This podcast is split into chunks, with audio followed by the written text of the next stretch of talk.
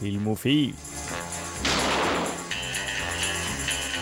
Studentradioens eget filmmagasin. Lights ready, all set. Cameras. Og velkommen, velkommen, velkommen. Det er torsdag, klokken er åtte. Det er Filmofil.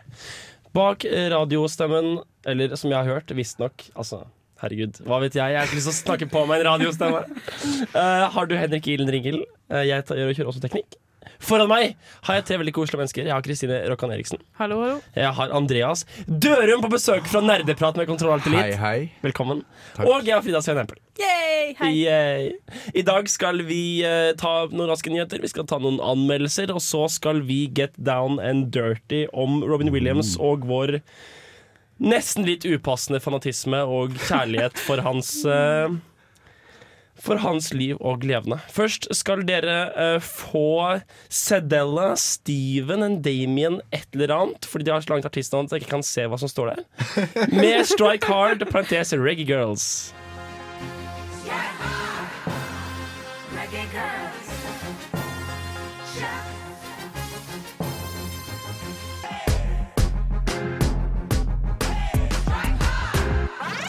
Filmofil gir deg nyhender fra filmen og fjernsynets i spanende vær. Morgen, morgen, morgen. Og vi har kommet godt i gang. Filmofil, det har vært litt dansing. Uh, vi skal ha nyheter. Eh, Frida, har du noen nyheter til oss? Yes. Først så har vi nyheten av at de skal eh, Det er liksom ballsy move. De skal lage en remake av Seven Samurais. Oh. Kurosawas mesterverk.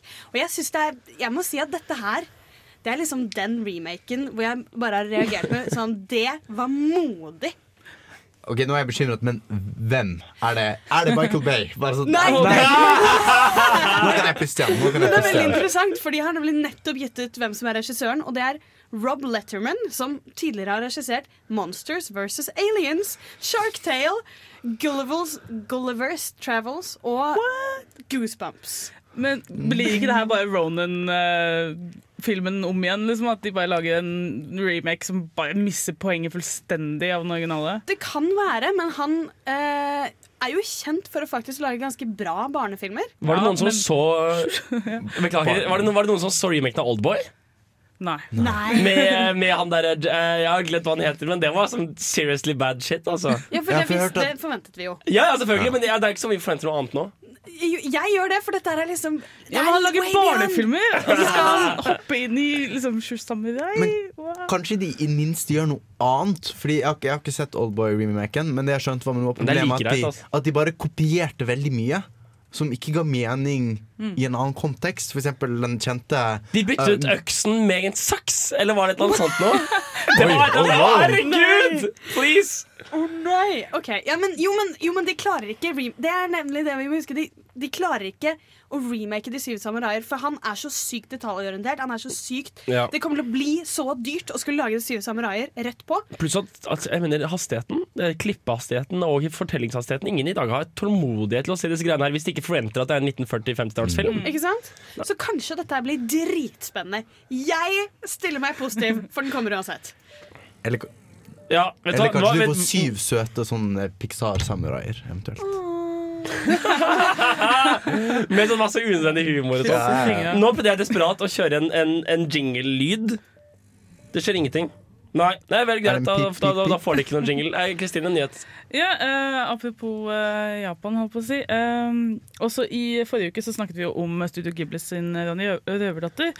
Og altså, Studio Ghibli er jo for evig knyttet til eh, Miyazaki, og han har nå endelig fått eh, Han skal få en honorary Oscar. Og det er eh, Altså, hvor mye verdi vi putter i Oscarene, er kanskje litt forskjellig, men det er i hvert fall hyggelig at han får det, liksom. Hvis han bryr seg, så er det faen på tide. Ja, Det er absolutt et godt poeng. Så jeg er veldig glad for det. At han, eh, for det er, altså det er jo fantastiske filmer han lager, og det er jo, ja, det er jo litt sjukt at han ikke har fått det før. Har du lyst til å ha flere nyheter? Skal vi ta en låt først? Ta en til, da.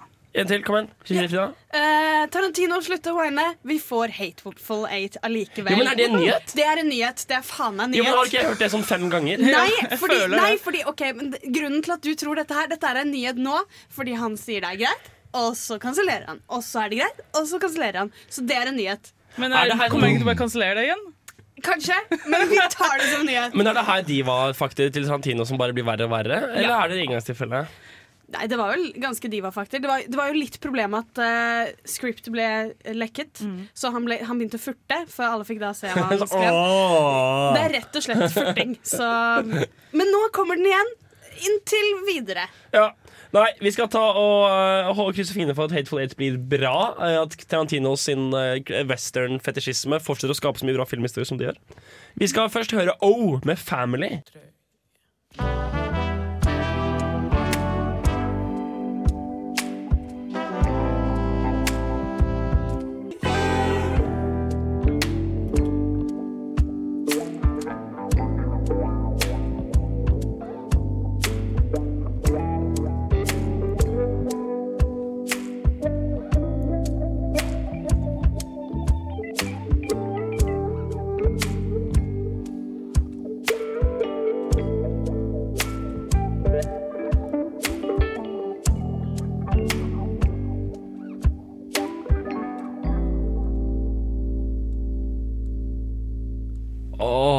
sykt sweet. Du hører på Filmofil, uh, og musikk. Veldig god musikk. Det er så deilig. Uh, vi, vi prater nyheter. Kristine? Ja, jeg har en uh, ganske morsom nyhet for de som liker filmer, og litt historie, som jeg jo gjør. Eh, det er sånn at eh, eh, fengselet som The Shawshank Redemption eh, ble filmet i, som er noe som eh, Ohio State Reformatory, det har nå blitt eh, åpnet for publikum som eh, turistattraksjon. Og det har, altså, det har blitt eh, helt renovert. Og det er nå, eh, du kan dra dit. Det, altså, der ligger det i Mansfield, Ohio. Og det, kan nå, det er nå på en bussrute av 16 forskjellige punkter, så hvor du kan se steder der det ble filma, og så kan du En Shawshank-bussrute. ja, Sitter du da med hendene lenket, og så er det sånn Mo- Morgan Freeman voiceover hele veien? Det er 13, 13 Stomp Shawshank Redemption Bus Tour. Yes, I passed through that. Nei, faen, jeg, jeg skulle hatt en Morgan Freeman-invitasjon Hvis du vil høre noen steder du også stopper, du, der de for eksempel eh, Der han um, Brooks henger seg selv. Nei. Spoilers for filmen, forresten. Ups! Nei, den filmen er såpass gammel at nå, folkens, det er 1995 vi snakker om her. Altså. Uh, ja, men også blant annet sånne steder hvor de filma, og eh, ja, det, det er dritkult, syns jeg. Kjempekult. Men er det ikke litt sånn trist på en måte å dra sånn oh, Nå skal vi se på hvor han hans jo yeah! Altså, jeg dro jo på busstur til Tyskland for å se på andre ja, Men det er noe litt annet, for der Men liksom liksom, lærer du du må litt ikke om være happy Er vi for å helt være fornøyd med å kalle, kalle konsentrasjonsleirene for andre verdenskrig monumenter? Nei, altså Nei. minnesteder, da. Mener jeg. Mener okay. jeg. Minnesteder. Og det, et minnested må ikke være happy. Nei. Men i den tråd så håper jeg at de kanskje bruker dette som en litt sånn dette er fengselting, ikke bare en sånn wow, stedet Nei, fra filmen. Det må må jo sånn, handle om liksom, fengselslivet til sånn som det var før En, også. en eller annen Mr. Dufresne som blir voldtatt i dusjen sånn klokken fem hver dag. Ja, altså, det var fengsel i 94 år, så jeg håper de selvfølgelig har med litt av den historien også. Kanskje de finner noen gamle in, in, inmates og sånn også. Men altså, jeg syns det er kult at de viderefører den ideen om å For eksempel The Rock. Mm. Du kan jo besøke Alcatraz nå. Ja. Så eh, nå hadde jeg, håpet, jeg hadde håpet at noen skulle le fordi jeg trodde at de lagde Alcatraz bare for The Rock. Da må du nesten si det, først. Jeg beklager. Det er, det er sånt som skjer når man improviserer. Ja. Nei, men det, det høres jo fett ut, det. ja, jeg har lyst til det. Det er Route 66, og så besøker Shawshank-turen. Jeg har neste nyhet. Uh, Yeah, energi! Uh, det er eh, noe det er, Jeg er så gira fordi jeg er så gira.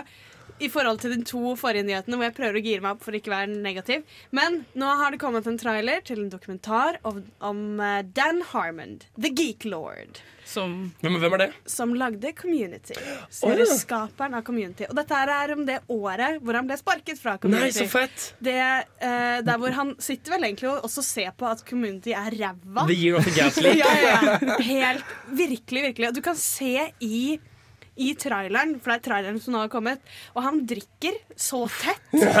Og han sitter og skjeller ut Chevy Chase, for de hadde jo en veldig kjent krangel.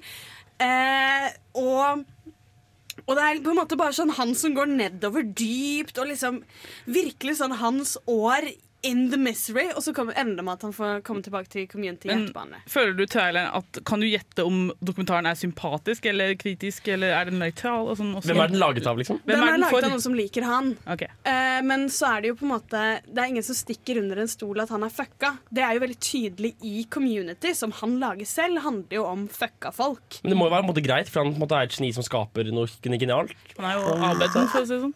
ja. Ja! Godt Ja, poeng. Veldig, veldig nicely put. Men han, de intervjuer jo alle skuespillerne han har jobbet med, og de er ganske ærlige, de. De sier liksom veldig mye fint om han, fordi han er en smart fyr, en genial fyr. Men de, er, de holder ikke skjult at han også har litt sånn alkoholproblemer, sinneproblemer, masse Utrolig interessant. Jeg gleder meg så sykt Ja. til å se den filmen. hva var den het? Harmon Land? Harmon Town? Harmon, Harmon Village? Harmon Town. OK, fett. Ja. Eh, helt til slutt så har jeg også en, eh, en, en video, eh, en fanvideo denne gangen. Det er altså noen som har klippet sammen eh, og- alle, fra alle mulige Marvel-filmer og skapt en Loke-film eh, av alle, alle Tom Hiddleston-scenene, pluss masse ekstramateriale. Og det har blitt på en film som er to timer og 15 minutter. Så er det Loke-film, Lokes historie. Og det er ikke bare liksom at du putter sammen alle scenene. Han har tatt eh, ekstra bonusmateriale fra DVD-ene. Han har tatt eh, de der lika audition-tapene til Tom Hiddleston som Thor. Og han har lagd en egen historie om Loke som du kan se. Og det er, sånn, det er, det er obsess, obsession to the max. Hadde Altså, dette bordet vært litt lavere, så kunne du hørt hard on min treffe deg. Fy faen. Men du kan bare jeg- må ikke spoile noe, men fangirls over hele verden som får orgasme med en gang. Ja, ja. Det er helt sykt. A, a, a, a million pillows just went wet. on det, det blir fryktelig bra. Uh, vi skal uh, bevege oss over på anmeldelser. Først får dere Ben Howard med I Forget Where We Were. Oh, hey, I wasn't listening. I was watching Syria, blinded by the sunshine strip. Eh,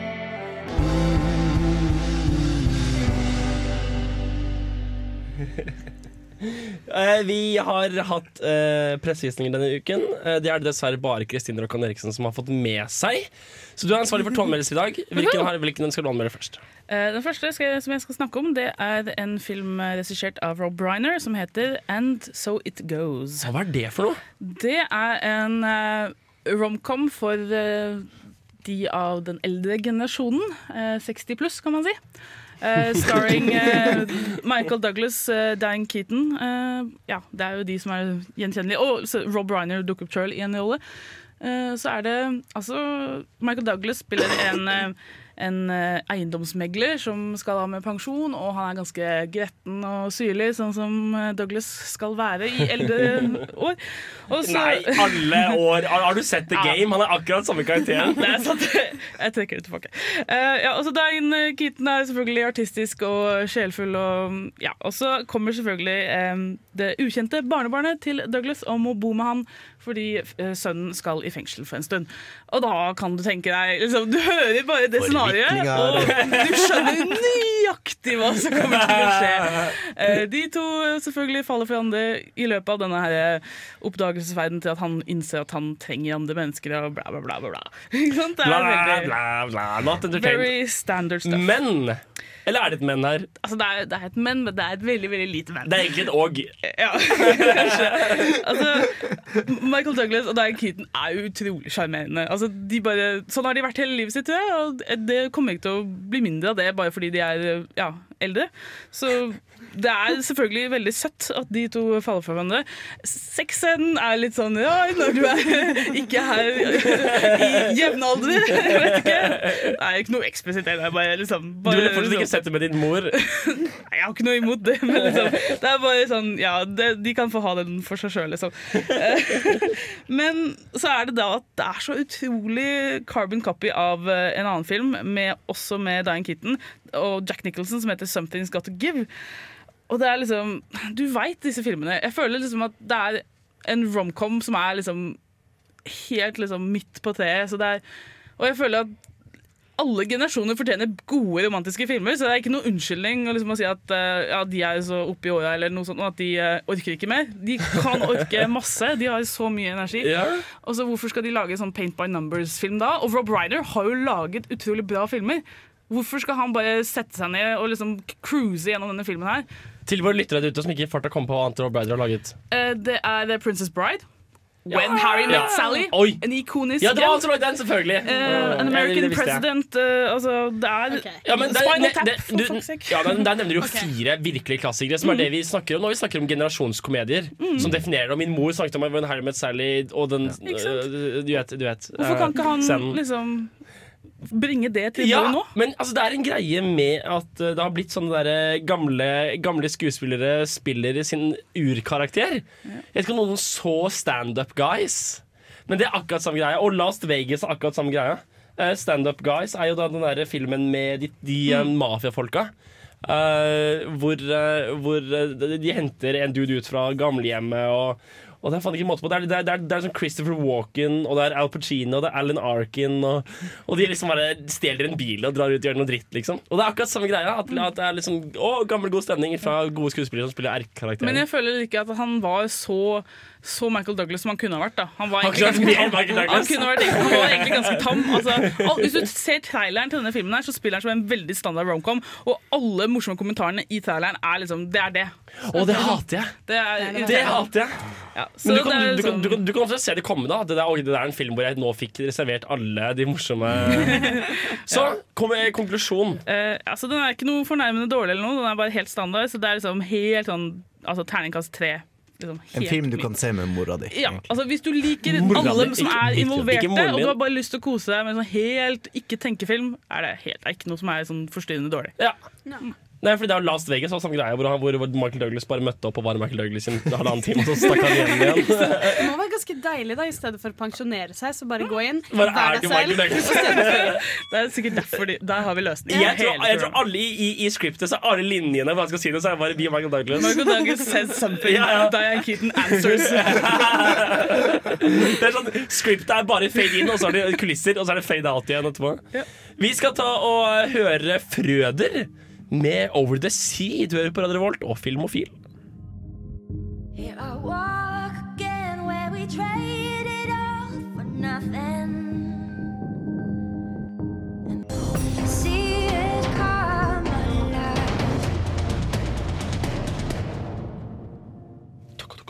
Det var, det var litt av en holdt på å si bare bang! Nå er låta ferdig, ta- prøv å ta den videre. Liksom radio. Eh, vi har uh, nok en gang avhengt av Rokkan Eriksens ekspertise og, eks og eksistens for å få sett en uh, film. Takk for det. Hva er det du har sett nå? Jeg har sett oppfølgeren til Sin City. Den heter Sin City A Dame to Kill For. Og det, altså, det er en oppfølger, så man må ha sett Sin City for å forstå Det er en sånn oppfølger. Ja, man må. Altså, hvis man prøver, så man kan prøve, men jeg vil ikke anbefale det. Vil du til og med anbefale å se den rett før? Ja, absolutt. Ja, virkelig? Absolutt. Wow. Det, hadde, det er en fordel. Altså, Nei, er det en ren sånn in media race? Altså, du bare begynner etterpå bare Hei, jeg Ja. husker dere han du er. Samtalen fortsetter nå. ikke så ille, det er det ikke. Men det er såpass eh, altså plotline, Noen av plotlinene foregår før første filmen. Ja, altså, Du får høre. For jeg, jeg hadde forventet en reboot etter så lang tid. Ja, nei, det er det det ikke er. Så kult. Jeg, jeg liker det. Ja. Modig, jo. Ja, nei, men Skal vi bare eh, rulle i gang, eller? Sin City's where you go in with your eyes open. Or you don't come out at all.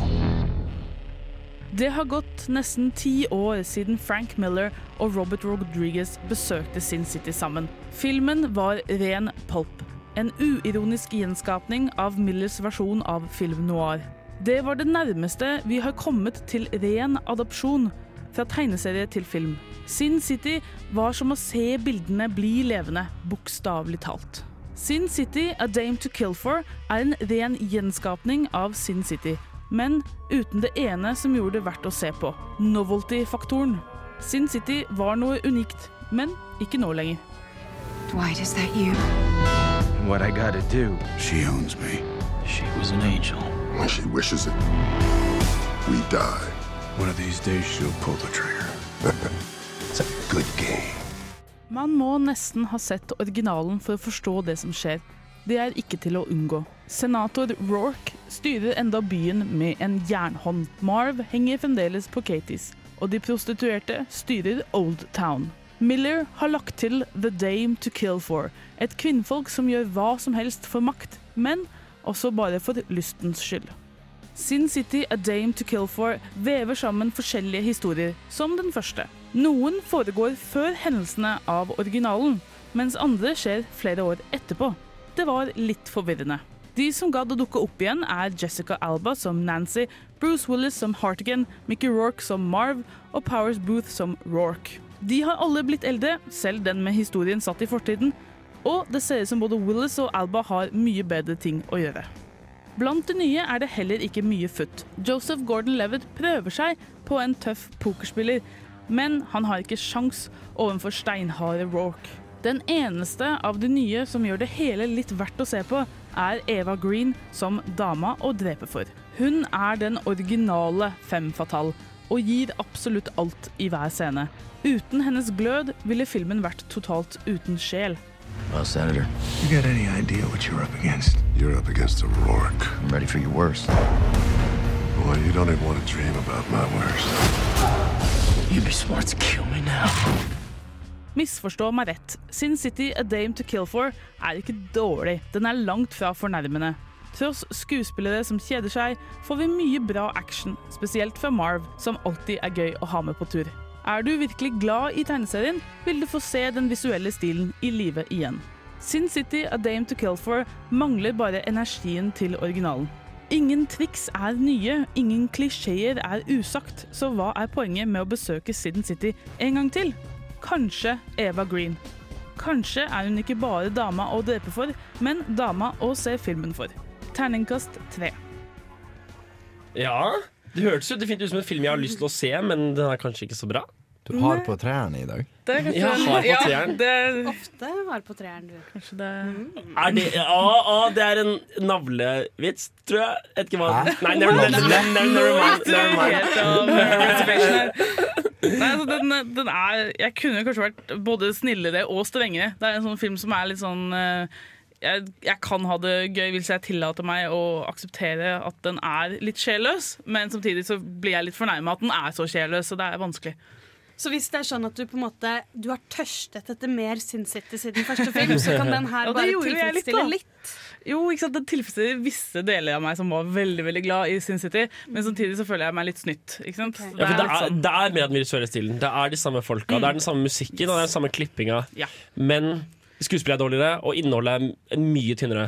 mye tynnere innhold. Jeg følte liksom at den originale hadde Selv om alle historiene var hver for seg, så føltes det som en helhet. liksom. Det var Rourke var liksom på toppen. Han var liksom der og så utover det hele. Her har du Rourke og Eva Greensay-karakter, så jeg føler litt at det er litt sånn hulter-bulter. At det er liksom Hvor er liksom Ja, altså, hvor er liksom denne verdenen? Er, er liksom, hvordan er den satt sammen? Og, og den gamle Sin City var vel sånn basically da Mickey Rourke ble løftet ut av grøfta igjen.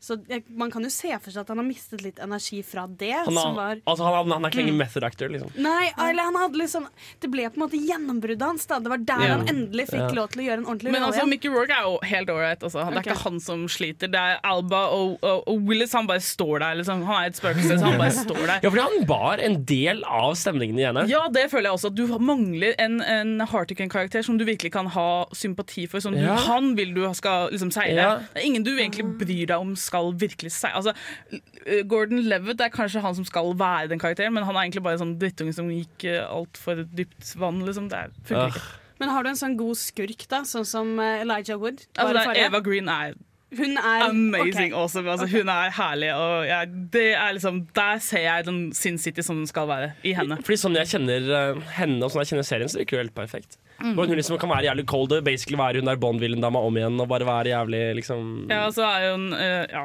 Hun er liksom alle sånne fem fatell-troper i ett. Deilig. Ja, deilig. Altså, du, du sier det er nesten en sånn ren adopsjon. Har de rett og slett tatt eh, hva skal vi si, klipp Page for page. og Nesten. frame fra Eh, veldig fra mye. Det er, men jeg tror litt av det er liksom skrevet helt fra scratch av Miller. Altså, jeg tror kanskje The Dame er en, en ny oppfinnelse. Det høres litt ut som om du prøver å pense samtalen din på Watchmen her, Andreas. Ja, kanskje litt. uh, jeg vil bare si jeg så, ser at uh, Lady Gaga spiller Ja, en bitte liten karakter. liten.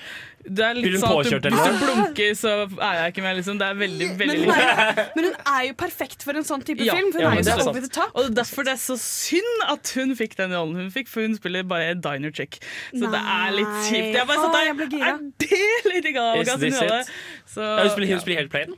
ja, nei, altså hun spiller jo som en diner chick i den verdenen, kan Ja, du si. da. okay, altså hun er punk eller whatever. Nei, altså hun er kledd, men liksom hun er i den film noir-aktig Ja, okay. Ja. tegneseriegreia. Er jeg. Kanskje hun skulle tatt over for Jessica Alba?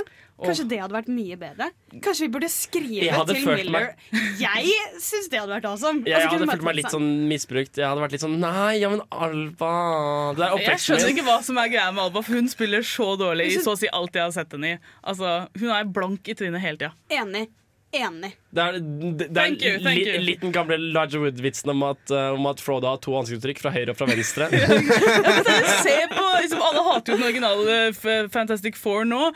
Og hvis du ser den filmen igjen, det svakeste leddet er hun. altså For Chris Ja. Evans har det kjempegøy i den filmen. Er Chris Evans i den filmen? Ja, han er jo The Torch, faktisk. Ja, altså, også, men altså, hun, hun, liksom, hun ser sjokka ut og distraught ut lite Grann, liksom, hvis hun, Ja. Nei, så uh, det er for det, dere harde fans. Stålsetter dere for en dårlig film og gå og se den. Resten av oss trenger ikke å se den. Jeg kommer til å se den. Selvfølgelig er du gal. Det er jo, det er jo det er Frank Miller. Uh, dere skal nå få lov til å se litt ut i lufta, eller eventuelt ut i naturen hvis dere er ute og går. Uh, det blir en liten dobbellåt. Først skal dere få Spider-God med Get Fiscal, og så Ozzy med Gangsta.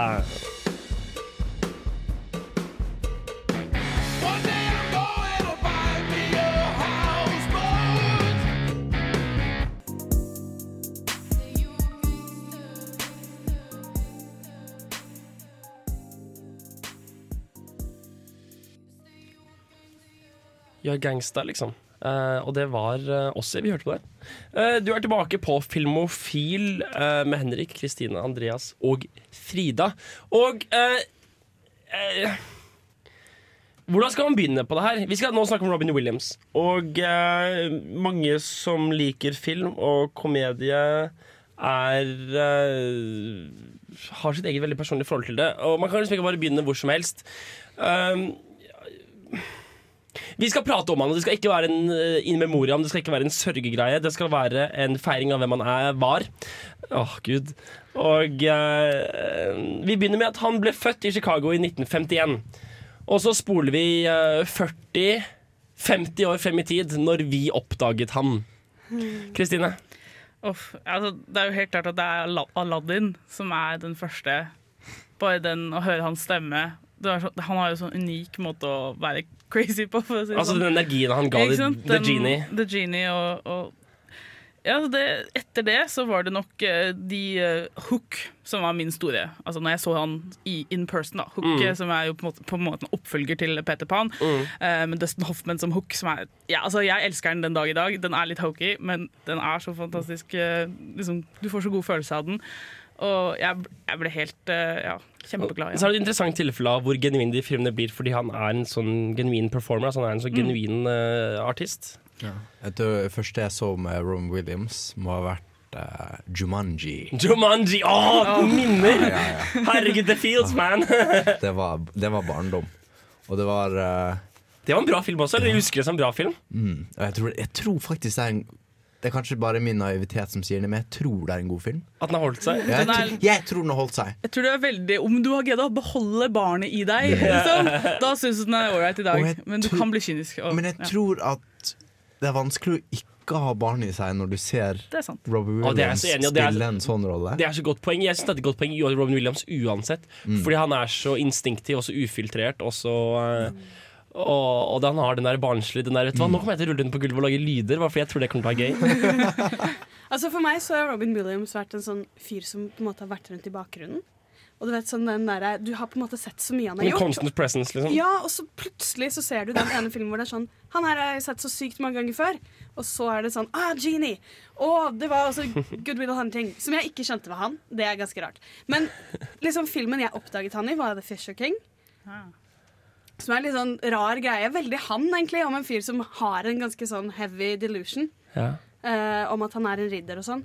Vi så den på skolen. Han var virkelig, virkelig Det føltes veldig som han. Veldig som en Det handler veldig om psykiske problemer, noe som i senere tid har jo på en måte blitt tragisk sant. Men han gjør det på en sånn humoristisk måte. Sånn Han lar deg bare se hvordan han rir rundt i Central Park og prøver å være en ridder. Og at dette blir en sånn lett historie til en viss grad. Kanskje jeg husker den feil. Nei, men altså, nei, vi, vi snakker jo om minnet. Og eh, jeg, jeg, ble jo, jeg, jeg var veldig glad i standup, så jeg er hovedsakelig kjent med han fra standupen. Jeg har sett alle disse filmene. Jeg har sett Flubber. Jeg har sett Uh, Jeg tror den som filmen som satte seg mest hos meg, var ikke en av hans komediske roller. For jeg er ikke så glad i komedier, komedier som avhenger av en enkelt person.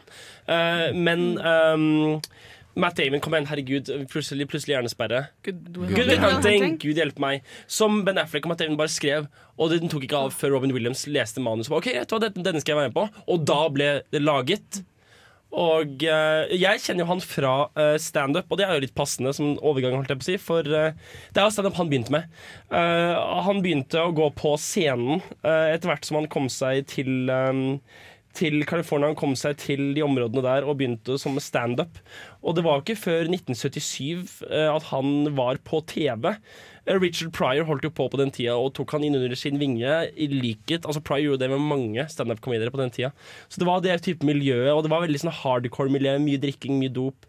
Eh, folk forsvant. Folk ble store, og så bare blåste de ut. Brant ut.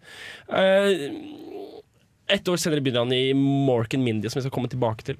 Jeg hadde bare aller, aller først lyst til å spille av et uh, klipp av det jeg syns han er best i, nemlig standup. Uh, vi skal høre et klipp fra litt nyere tid. Jeg tror det er etter 2000-tallet. Jeg husker ikke. Uh, men dette er da uh, Robin Williams on eh, Soccer and the French. But for me, I'm very excited because this is my time when I was watching World Cup soccer, my man. I saw World Cup, baby. No, no. Few soccer fans, the rest of you are going, Oh, that's, that's like football without pads, right? for the rest of the world, it's football. For us, it's like, A strange sport played by damaged people. well, we made it in the World Cup. Everybody plays it. Not like the World Series, because the French don't have a baseball team. If they did, they would only have left field and no one would be safe. you know what I'm saying? What can you do, huh? It is Bastille Day. Alors, allons-y de la patrie. The day that Marie Antoinette gave the ultimate head. Look out! Ah! We are French. Fuck you, Americans. I don't care. My friend is in right now. My Lance Armstrong is in France, racing in the Tour de France. He is right now. And every year the French go, he is on chemicals. I'm going, it's chemotherapy, you little toad sucker. Okay, he has one testicle. He's aerodynamic. Everybody cut off your balls. You'll be quicker. Do it. Don't be afraid, eh? Because, you know, when you look at the World Cup, America finally made it. We made it to the 16, baby. Woo! Goddamn right. Lord, yeah. We're no longer in the Special Olympics category. They used to see us coming, going, oh, give it to them, they're damaged people. Thank you for the ball. I got a ball. I shoot the ball. Unlike the Brazilians, man, when the Brazilians play, it's like bang, bang, dum, bang, bang, bang, bang, bang. Bang, bang, bang. And the fans are like, bang, bang, bang, bang, bang, bang. Brazilians going, look, I'm playing soccer, okay. Look, I'm scoring. and now I'm kicking the ball. Because soccer's kind of mellow. You know, it's a little passive aggressive, though, when you got that thing of like, "Pih, pih, pih, eh, I didn't do anything. What are you looking at? It's not like hockey where someone comes up with a stick and goes, bam, motherfucker. That's why there are no Spanish hockey players, because the first time a white guy takes a stick and goes, "Pih, motherfucker, I'm going to cut you off now. And you, Freddy Krueger, bitch, take off the mask, motherfucker. Coming in there, goddammit. But like soccer, sometimes guys will do this weird thing. They'll fall down and pretend like, oh shit, I'm fucking, I've been killed, I've been blinded. Oh, oh. There's nobody near me, huh? Okay, I'm kidding. And the referee comes over. Yellow card! Two yellow cards. Red card! Hold on. Three cards. Green card! And the referee is so sweet, too. He's kind of like, okay, what's your name? Turn around. What's your fucking name? Why didn't you call me after the Mexico game? Det er så sykt bra! Og det er jo, det er jo bare Og det, energien Og jeg synes det klippet her får så virkelig frem alt han gjør. Fordi han, Og på scenen så er det en full act. Ikke sant? Han mimer det frem. og det er er en energien, og det er mimingen, og det er hvor raskt han switcher! For det er liksom I samme setning så er han fransk og brasiliansk og amerikansk og liksom to forskjellige typer amerikansk samtidig. I én setning. Det fantastisk å høre på. Og det er jo helt sikkert en, det er helt sikkert en, en, en, en forberedt bit. Men det høres så stream of consciousness-aktig ut. Det høres ut som bare sånn Ja, ja, fordi, og husker du dem? De er jo sånn og sånn og sånn. Og så er det jo det at uh, som jeg, Første som slår meg, er at han er første amerikanske komiker som ikke drar franskmenn. De uh, overgir seg veldig fort, for det er liksom den, fra, den eh, franske stereotypen er fra andre verdenskrig, og bare fra andre verdenskrig! Fordi alt annet er så jævla blodig i Frankrike! Og han har klart å plukke opp det. Da tror jeg han er smart. Og det, og det er interessant når han klarer å ta på en, måte, en ny stereotyp enn det som jeg er vant til, og likevel så tar alle den. Ja, Ja, det er så sykt. Du liksom Han presenterer en ny idé, ja. og du, og du, du, tar den med en du gang kjenner den igjen. Fordi han leverer den med så mye energi at du kan, du kan liksom ikke la være å ta den imot. det er blir liksom sykt. rett inn i hodet ditt. Ah, nei, altså det, er, det, er jo, men det har vært mye opptak med han og sånn. Og han har en veldig, som jeg likte veldig godt, en uh, intervju med han uh, utrolig selvhøytidelige duden i en Inside the Actors Studio. Og det varer jo halvannen time. Og han bare bringer den energien, og er, det, han er så bare så genuint seg selv. Du har så mange skuespillere som møter opp uh, på intervjuer, og som møter opp Når de ikke promoterer en film spesifikt, så har de egentlig ingen sånn ting inni seg selv. De har ikke noe sjel som de jobber ut fra. De er ekstremt dyktige som artister og som kunstnere til å ta et, et, et konsept og gjøre det til noe håndfast og få det frem på skjermen. Mens Robin Williams bare er den personen selv. Så han, han, han, han finner et sjal på bakken, og så gjør han en hel liten sånn ballettgreie som varer et minutt. Og publikum sitter bare liksom Du kjenner, kan kjenne kjærligheten gjennom sant? James Lipton heter han intervjueren. Og James Lipton sitter der og bare Å, jeg digger livet akkurat nå. Og Robin Williams forteller, og han prater, og han har denne utrolige um, ja, det er denne, denne, denne kombinasjonen av, av tilstedeværelse i nået med ekstremt fokus, og denne evnen til å tenke, og så det så fort! Det går øyeblikkelig! Ja. James Hilton sier et eller annet, og så er Ro- Ro- Robbie Williams bare Han er av gårde. Han er av gårde, han har funnet på en bit, og den, den, den, det er dritbra. Det er bare gull og gull og gull. Og, jeg, og det, er, er derfor for meg så er Robin Williams uh, som person og som komiker så mye viktigere enn bare filmene han har laget. Da, vi må ta, nesten ta og, og høre en låt. Eh, dere skal få eh, Odesa eh, med eh, Say My Name. Du hører på en stadig mer og mer entusiastisk filmofil på Radio Holt. Håper du koser deg.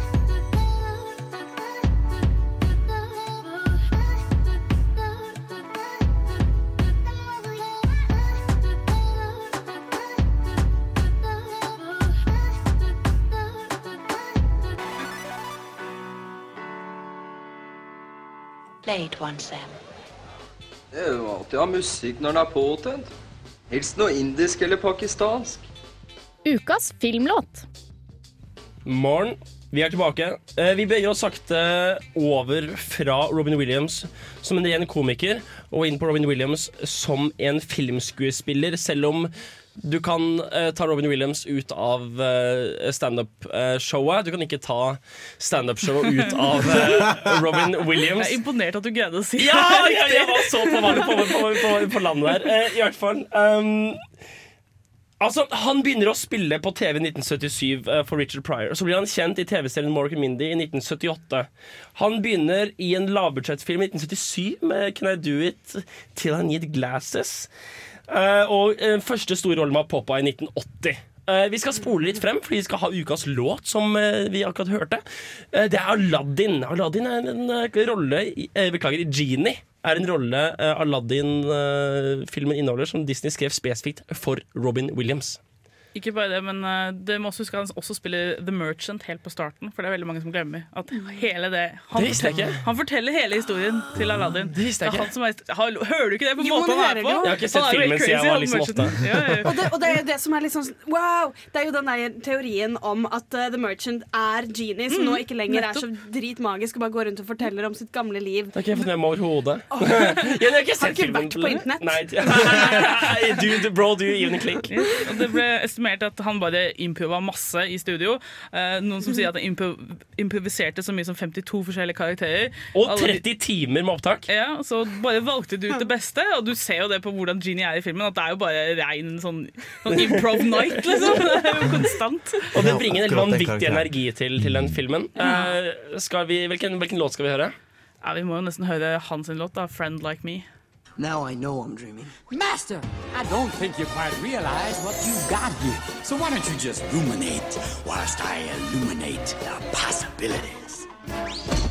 Well, Alibaba had them 40 thieves. Scheherazade had a thousand tales. But Master, you in luck, cause up your sleeves you got a brand of magic never fails. You got some power in your corner now. Heavy ammunition in your camp. You got some punch, pizzazz, Yahoo and house. All you gotta do is rub that lamp, and I'll say, Mr. Aladdin, sir, what will your pleasure be? Let me take your order, jot it down. You ain't never had a friend like me. Life is your restaurant, and I'm your maitre d'. Come on, whisper what it is you want. You ain't never had a friend like me. Yes, sir, we pride ourselves on service. You're the boss, the king, the shah. Say what you wish, it's yours. True dish about a little more baklava. As some are calling me, try all of column B. I'm in the mood to help you, dude. You ain't never had a friend like me. Mama. No, no. Can your friends do this? Can your friends do that? Can your friends pull this out their little hat? Can your friends go? Woo! Hey, looky here. Uh-huh. Can your friends go abracadabra, let it rip, and then make the sucker disappear? Don't you sit there, slack jaw, boogie-eyed. I'm here to answer all your business prayers. You got me bona fide certified. You got a genie for to charge the fare. I got a power to help you out. So what you wish I really want to know. You got a list that's three miles long, no doubt. Well, all you gotta do is rub like so. Oh, Mr. Aladdin, sir, have a wish of two or three. I'm on the job, you big nabob. You ain't never had a friend, never had a friend. You ain't never had a friend, never had a friend. You ain't never had a friend. like me.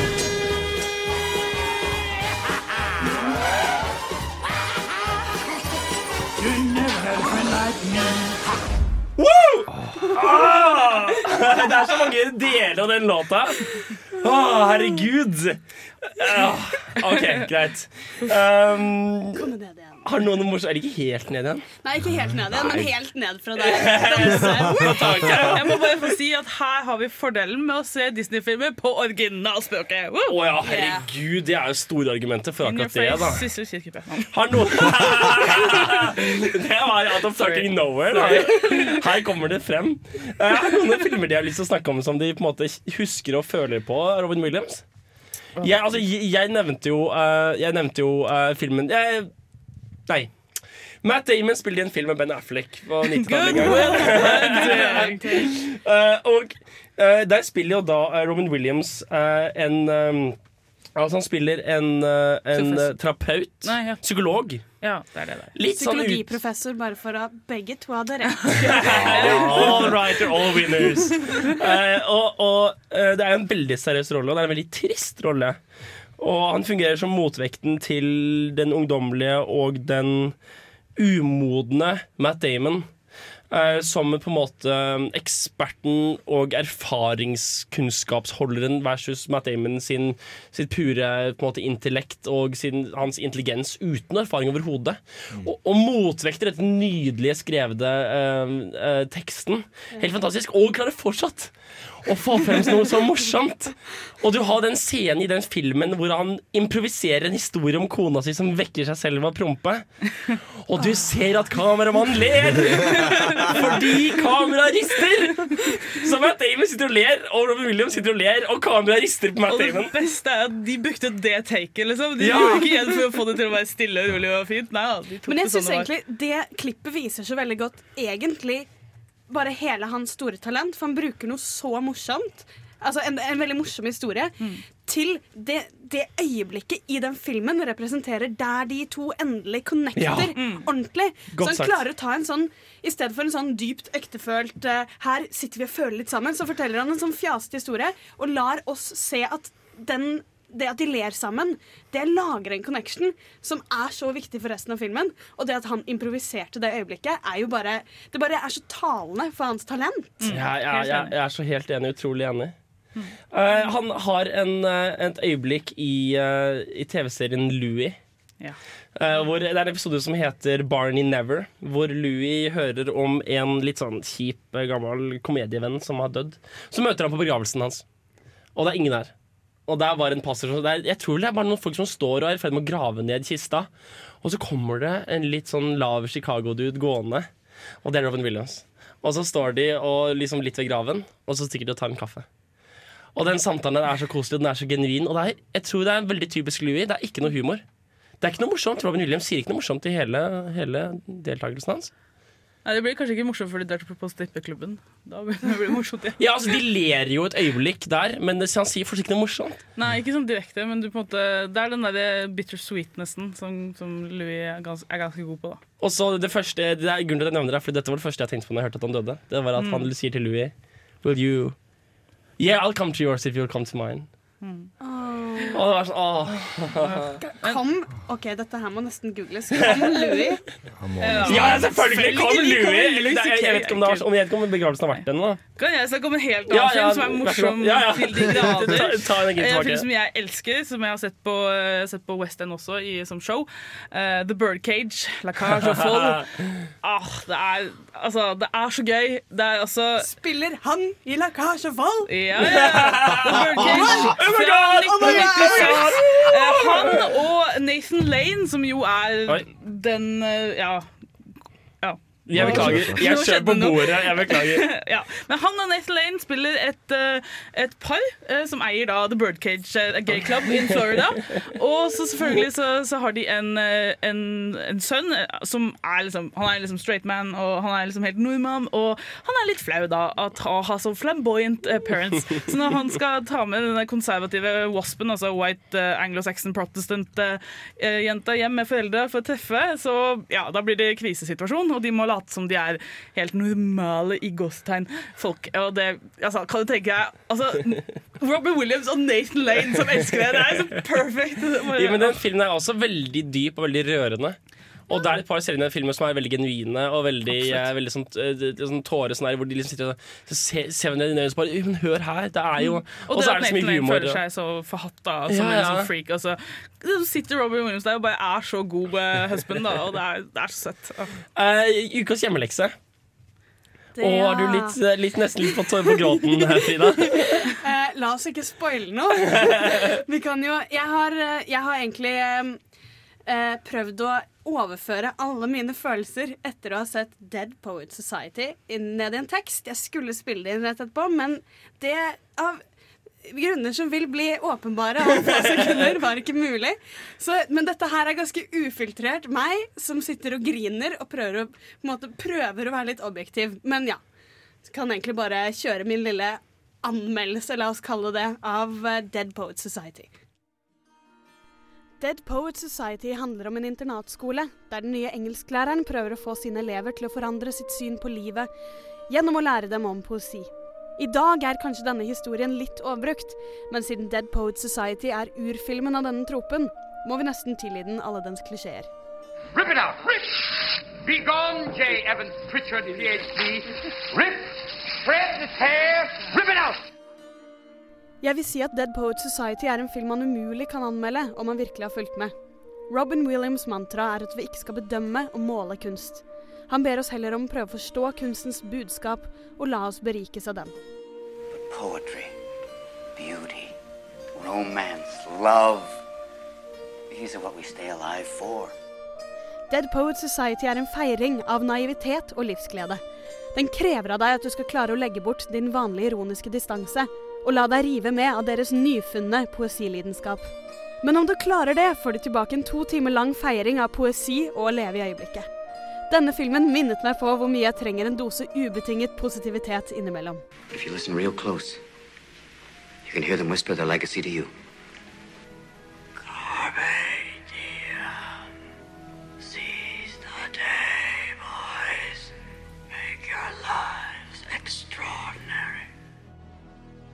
Det er ikke før denne filmen jeg virkelig har skjønt hvilken stor person vi mistet med Robin Williams. Hvor vakkert er det ikke å høre ham fortelle om hvor viktig det er å lytte til hva de døde har sagt. Robin Williams var en person vi virkelig burde lytte til. Thank you, boys. Thank you.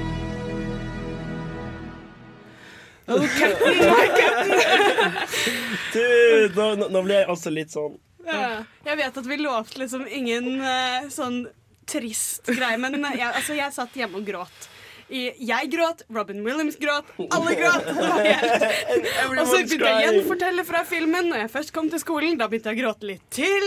Og det var bare Det har vært et, en emosjonell tid etter jeg så den filmen, altså. Det er så rart med en film, fordi jeg griner litt hver gang, men det er liksom Du er, du er på en måte ikke trist av den, du er liksom oppløftet, og det er så så, du blir så forvirra inni deg av det at du blir sånn Å, jeg må ut og gjøre jeg må liksom, liksom gjøre et eller annet for å få dette her, alle den der Carpe Diem-energien ut Ja. av meg igjen. Jeg måtte rulle litt bortover bakken bare for å være sånn Jeg må gjøre noe gærent!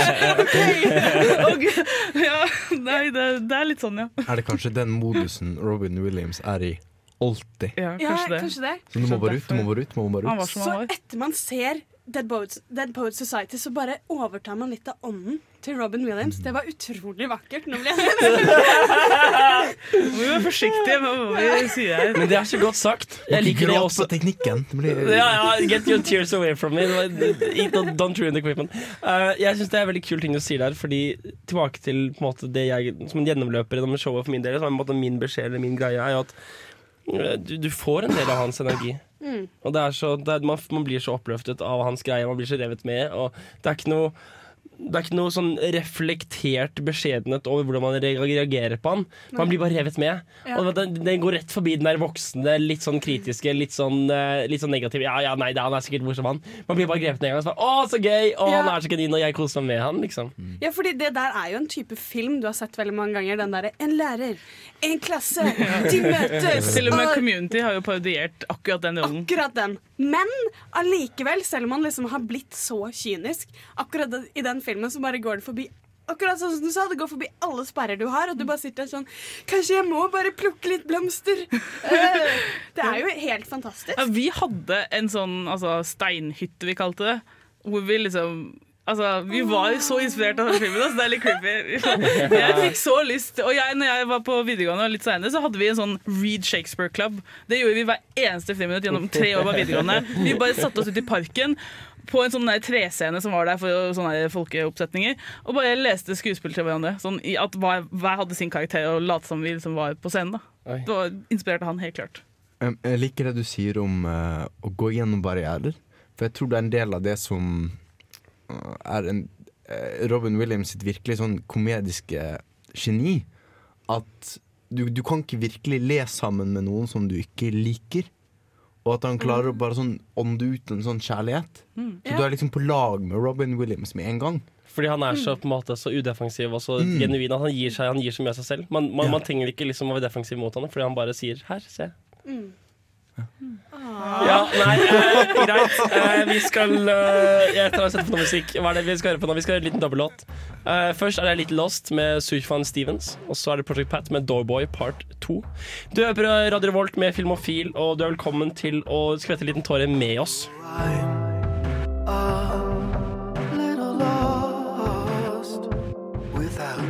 Hei, jeg er eh, Agnes Kittelsen, Og jeg er Aksel Henning, og det er viktig at uh, dere hører på Filmofil. filmofil.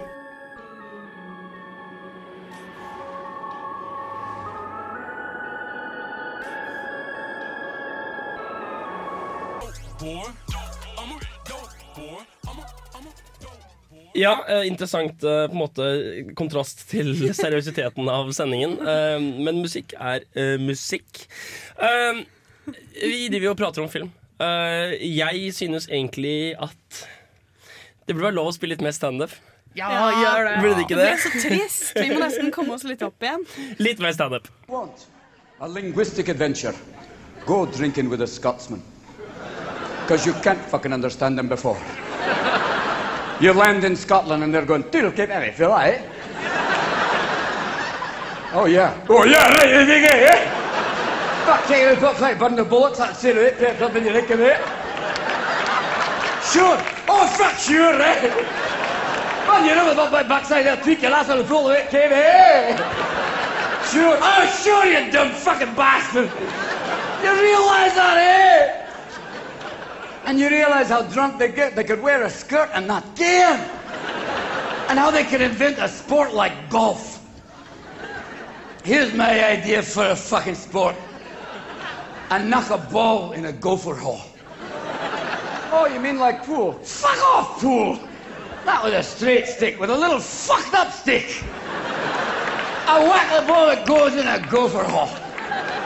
Oh, you mean like croquet? Fuck croquet! I put the whole hundreds of yards away! Oh, fuck out, yeah! It's great fun there! Oh, yeah, that's a great thing! Oh, like a bowling thing. Fuck no! Not straight, I put shit in the way! Like trees and bushes and high glass so you can lose your fucking ball and go whacking away with a fucking tire iron!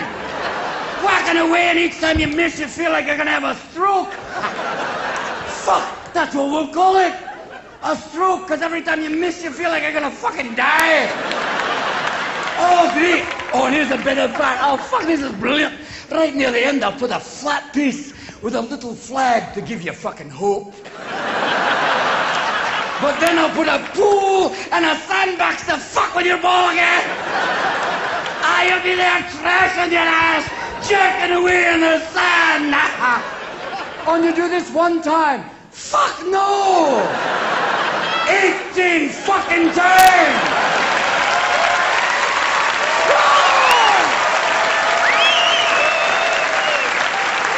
Then, you have a sport!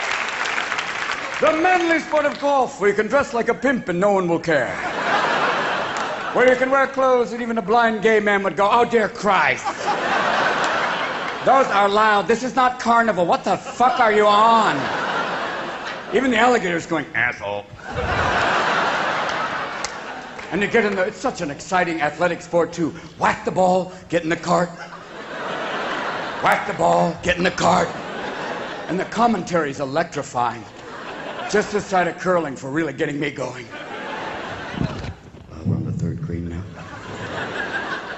Could people be quieter? I'd like to hear the grass grow. I want the guy who does Mexican soccer to do golf one time. The ball is running. The ball is going to the. Ah!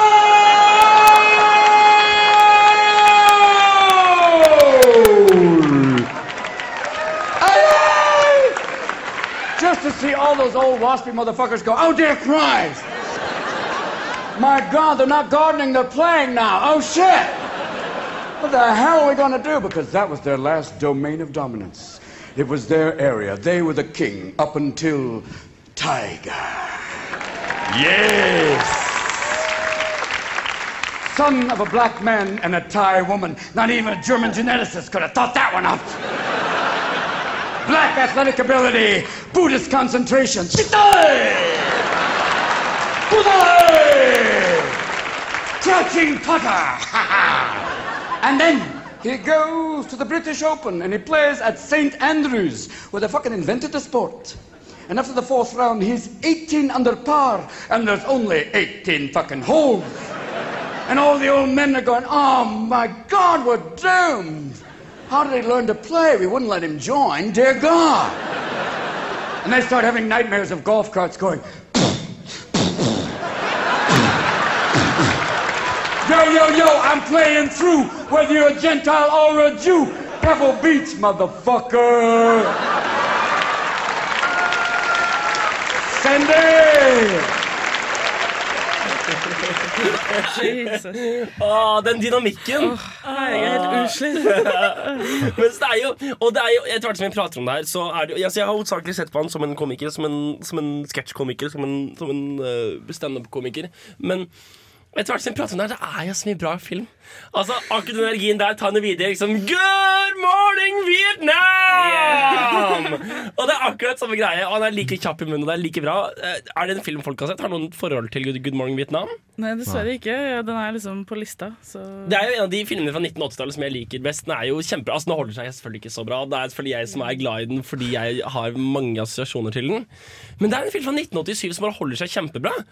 Og det er bare det er en energi og en slags lyshet og, og Robin Williams virkelig i sitt ess. da Er det kanskje noen som har sett uh, World's Greatest Dad? For å skifte litt tema inn. Jeg tror jeg Der har han sett spiller den, men faren det til var en veldig lenge siden. Nei, Altså, jeg er har lest uh, om den. Jeg har ikke sett den. Film fra 2009 der han spiller faren til en gutt som tar selvmord uten å mene det. Ungen driver, og, de driver med litt sånn autorotisk asfiksjon, og så kommer faren opp og finner ungen kvelt av sin slips.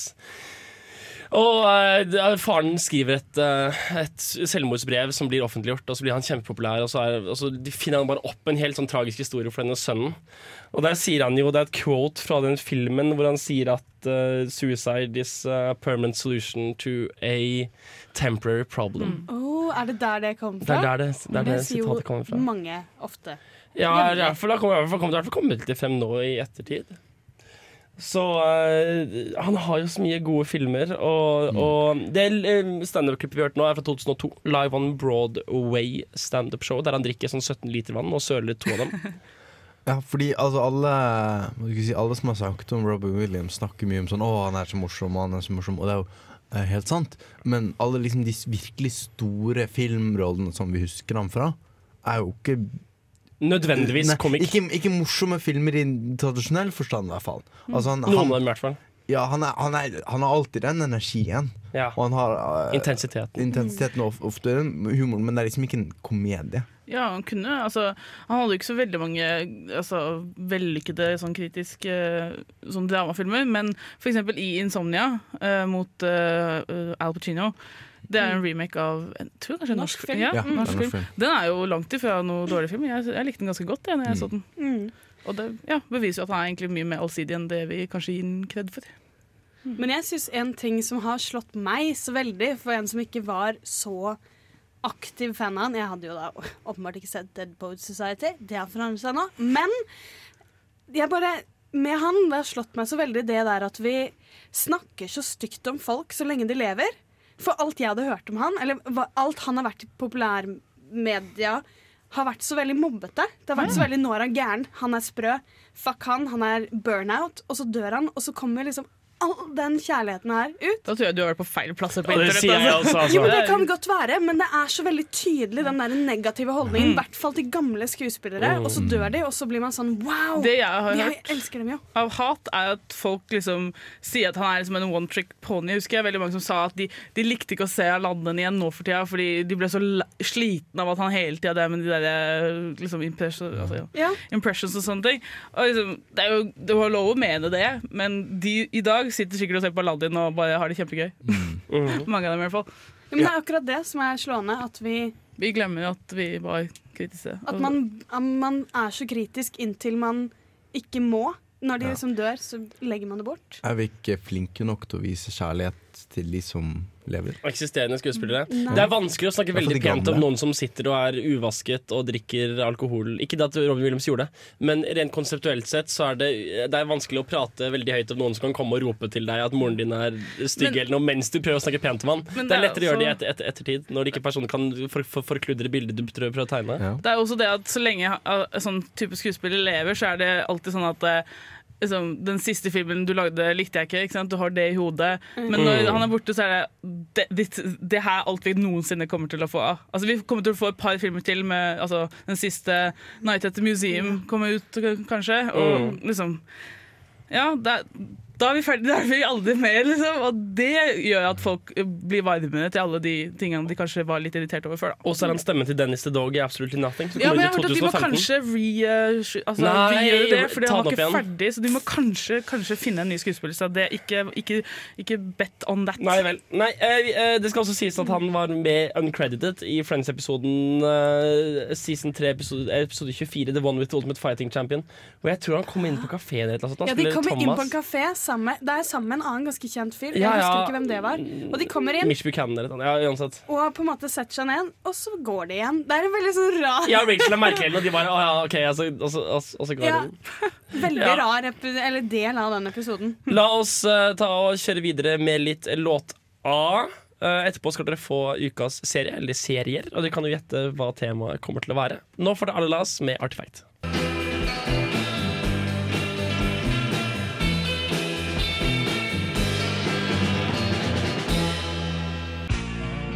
Hei! Hei! Det er ikke 90s sitcom-flashback. Ta og Skru på noe annet.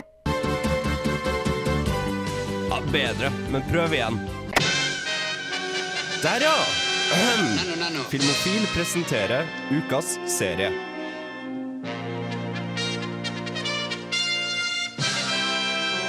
Ja. Dette er da Morgan Ah, du gikk glipp av den! Hva sier han? Nei, det er ikke viktig. Uh, ja.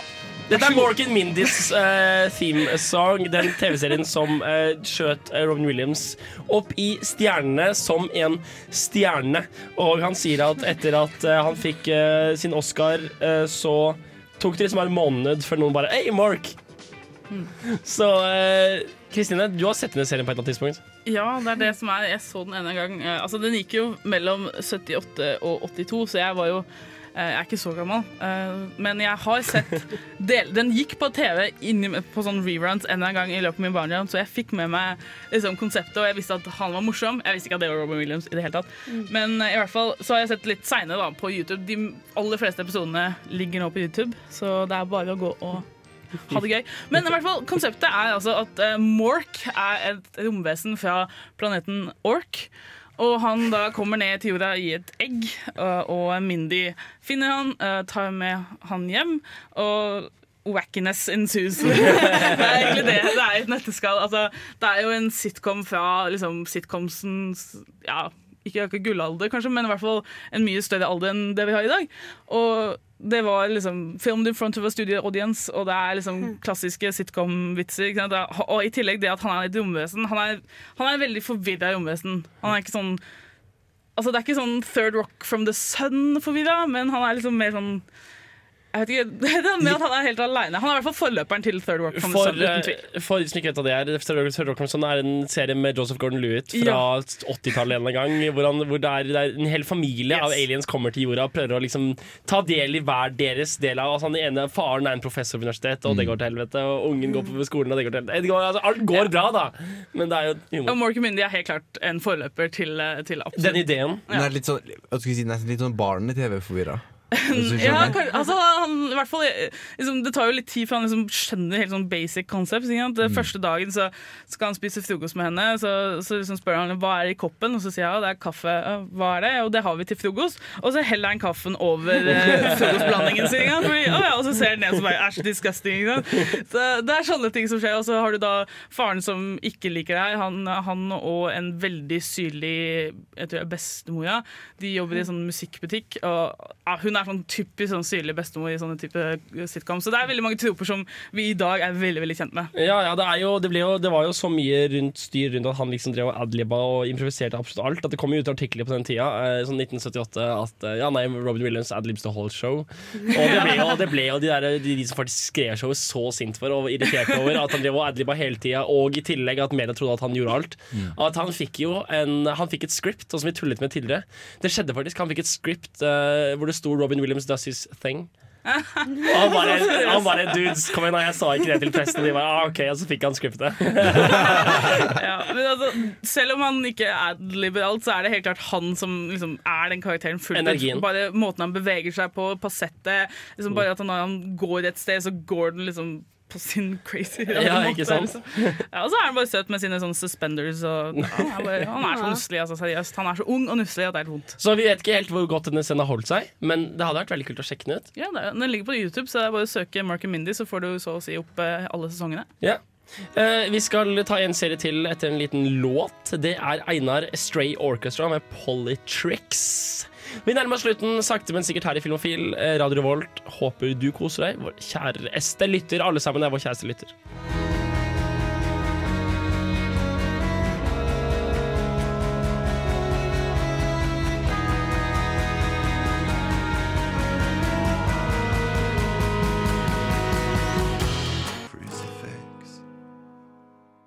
Vi er tilbake, vi snakker Robin Williams og vi snakker om TV-serier her på Filmofil. Eh, Robin Williams har jo da etter Mark Mindy vært hovedsakelig en eh, filmskuespiller og eh, standup-komiker. Voted 13. beste eh, standup of all time når Comedy Central gjorde en eh, 100 best of all time. Så mannen skatt som comedy chops. Han eh, hadde jo da også morsomt nok eh, Det var Billy Crystal forresten som var med han i den cameoen i Friends. Ah. Eh, han hadde en, uh, en deltakelse i eh, amerikanske, show, i amerikanske impro-showet Line Is It Anyway? Og den anbefaler jeg folk gå på. YouTube og se.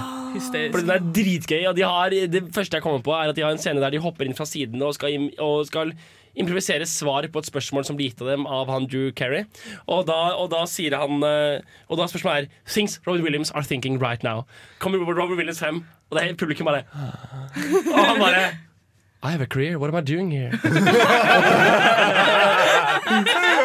Eh, Så etter, 30, etter 31 år av TV kommer Robin Williams nå da tilbake i eh, 2013 eh, som eh, karakteren et eller annet i The Crazy Ones.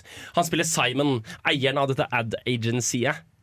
Og det er egentlig bare Robin Williams eh, på det jevne. Altså han, han er vill og han er weird og har et fullt cast av folk som på en måte attribuerer og hjelper og støtter opp under dette. Men hva, hva er The Crazy Ones? The Crazy Ones er en eh, sitcom eh, som gikk på CBS eh, i og, fjor og i år. Som handler om eh, masse ad agency-folk, altså folk som driver markedsføring, eh, som prøver å navigere en hektisk eh, hverdag. Så det er liksom en sånn eh, morsom Mad Men i, i dag, liksom? At det er Ja! det var nydelig! sånn Very nicely done. Eller, jeg, vi skulle inn for en sånn enkeltklapp. I hvert fall. Um, Hvem er det som spiller med han? Sarah Michelle, Sarah Michelle Gellar Uh, og James Walk. uh, som jeg ikke vet hvem det er. Jeg vet hvem det er nå, da, men uh, Og han gjorde 22 episoder i, den, i, den, i det, det TV-showet, og det var kult. Det var, jeg fikk fortsatt følelsen av adlibbing, og det var, det var veldig gøy.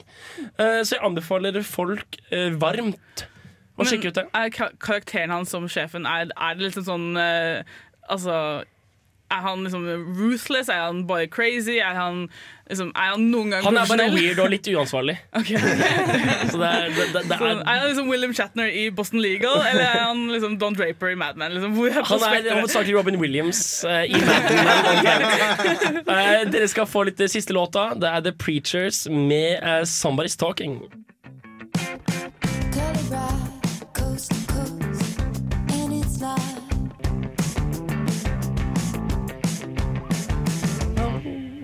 Velkommen tilbake. Vi er her fortsatt og står og danser og eh, gråter om hverandre. Eh, vi har kommet til slutten av sendingen. Jeg skal fortelle dere hva vi har gjort. Jeg skal fortelle dere neste ukes tema og hjemmelekse, og jeg skal introe siste stikk eh, Sist lydklippet, som ikke er en låt, men noe helt spesielt. Eh, I dag så har vi hatt anmeldelse av Sin City. Vi har pratet om eh, Robin Williams. Vi har snakket om Aladdin som ukas filmlåt. Vi har eh, snakket om han i film. Vi har anmeldt Dead Poet Society, som var siste ukes hjemmelekse. Vi har spilt av eh, klipp fra standupen hans, og vi har prata om Mark Mindy, vi har prata om Crazy Ones, vi har prata om hans Inside the Actor Studio-intervju, vi har prata om hans Deltakelse i Friends i forbifarten. Vi har pratet om hans deltakelse i vi har, åh, Robin Williams, altså. Ja, neste uke så skal vi prate om propaganda, Andreas. Stemmer det? Ja, og litt overgangen fra den ærlige propagandafilmen, altså Viljens triumf er en veldig ærlig propagandafilm, til liksom nåtidens mer subtile patriotismefilm. Viljens triumf. Triumf til villen! Det er en uh, film laget av Leni Riefenstahl for Hitler. Ja. Oh, ja, beklager, Det er jeg er liksom- tydeligvis ikke kulturell nok. Det er liksom the big Hitler movie. Jeg er blitt utkultureltert. Uh, uh, men eh, det er liksom en veldig ærlig propagandafilm, mens i dag så har vi en mer sånn subtil, kanskje enda skumlere sånn propagandapatriotisme. Så til neste gang så er hjemmeleksen Independence Day. Independence Day. For det er liksom den utgir seg for å være bare en film. Mm. Men er det bare en film? Egentlig. uh, og det, det blir noe å tenke på mens du ser Independence Day. Så da har dere hjemmeleksen neste gang. Uh, nå helt til slutt så um, Robin Williams var på et intervju med Mark Maron i 2000 og kan ha vært fire eller seks, eller i hvert fall i midten av 2000-tallet. Uh, og der prater de mye forskjellig, og de prater blant annet om uh, at Robin Williams hadde et relapse. Han er alkoholiker og ble clean, og så hadde han et relapse eh, hvor han begynte å drikke og, ta og holde på igjen. Og så prater Robin Williams om opplevelsen han hadde der med suicidalitet. Så vi avslutter på en litt sånn følelsesladet greie, hvor dere skal få lov til å høre Robin Williams ha en intern dialog på mikrofonen med Mark Maron om dette. Ha en fortreffelig kveld.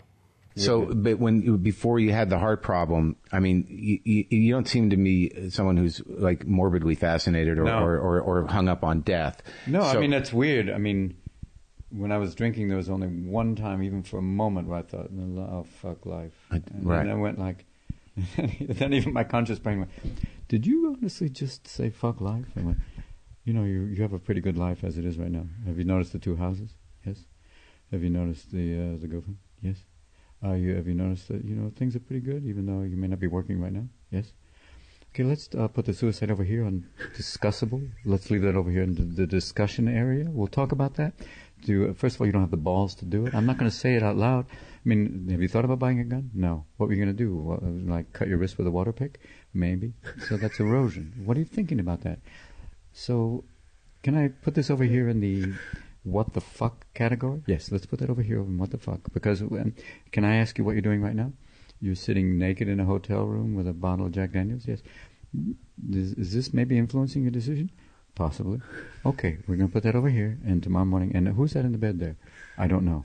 Okay, well, don't discuss this with her because she may tweet it. Okay, this may not be good. Let's put that over here in the what the fuck category. We're going to put that over here, possibly for therapy if you want to talk about that in therapy, if, or maybe a podcast yeah. two years from now. Do you want to talk about it in the podcast? No, I feel safe.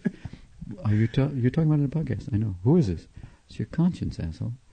Oh, okay. So, you, have you ever thought about it since then? No. During the surgery, were you thinking about death? No. Why? Because you just were thinking going, everything's going to be fine. Was that your mother talking? Maybe. She was a Christian scientist who had plastic surgery. Wow. Was that a mixed message? Yeah, that is. Okay. Well, we're going to go back to the podcast now because Mark's sitting here. We're, we're talking now. It's going to be, I know I feel like golf commentary, but, you know, look, Tiger's back. Tiger's playing. Tiger's doing well. I was hoping that some of the tweets would have golf metaphors like, you know, choke up rather than choke, you know, you know or, or like, you know, I'm going to I'm gonna hold you down and putt from the rough. No, you didn't say that, you know? It's all good. We're back. Thank you. That was wonderful. Thank you. It's a nice, uh, nice interval. A nice interval about uh, discussions yeah, of yeah. death. Okay. it's very freeing. Thank you. It's very freeing.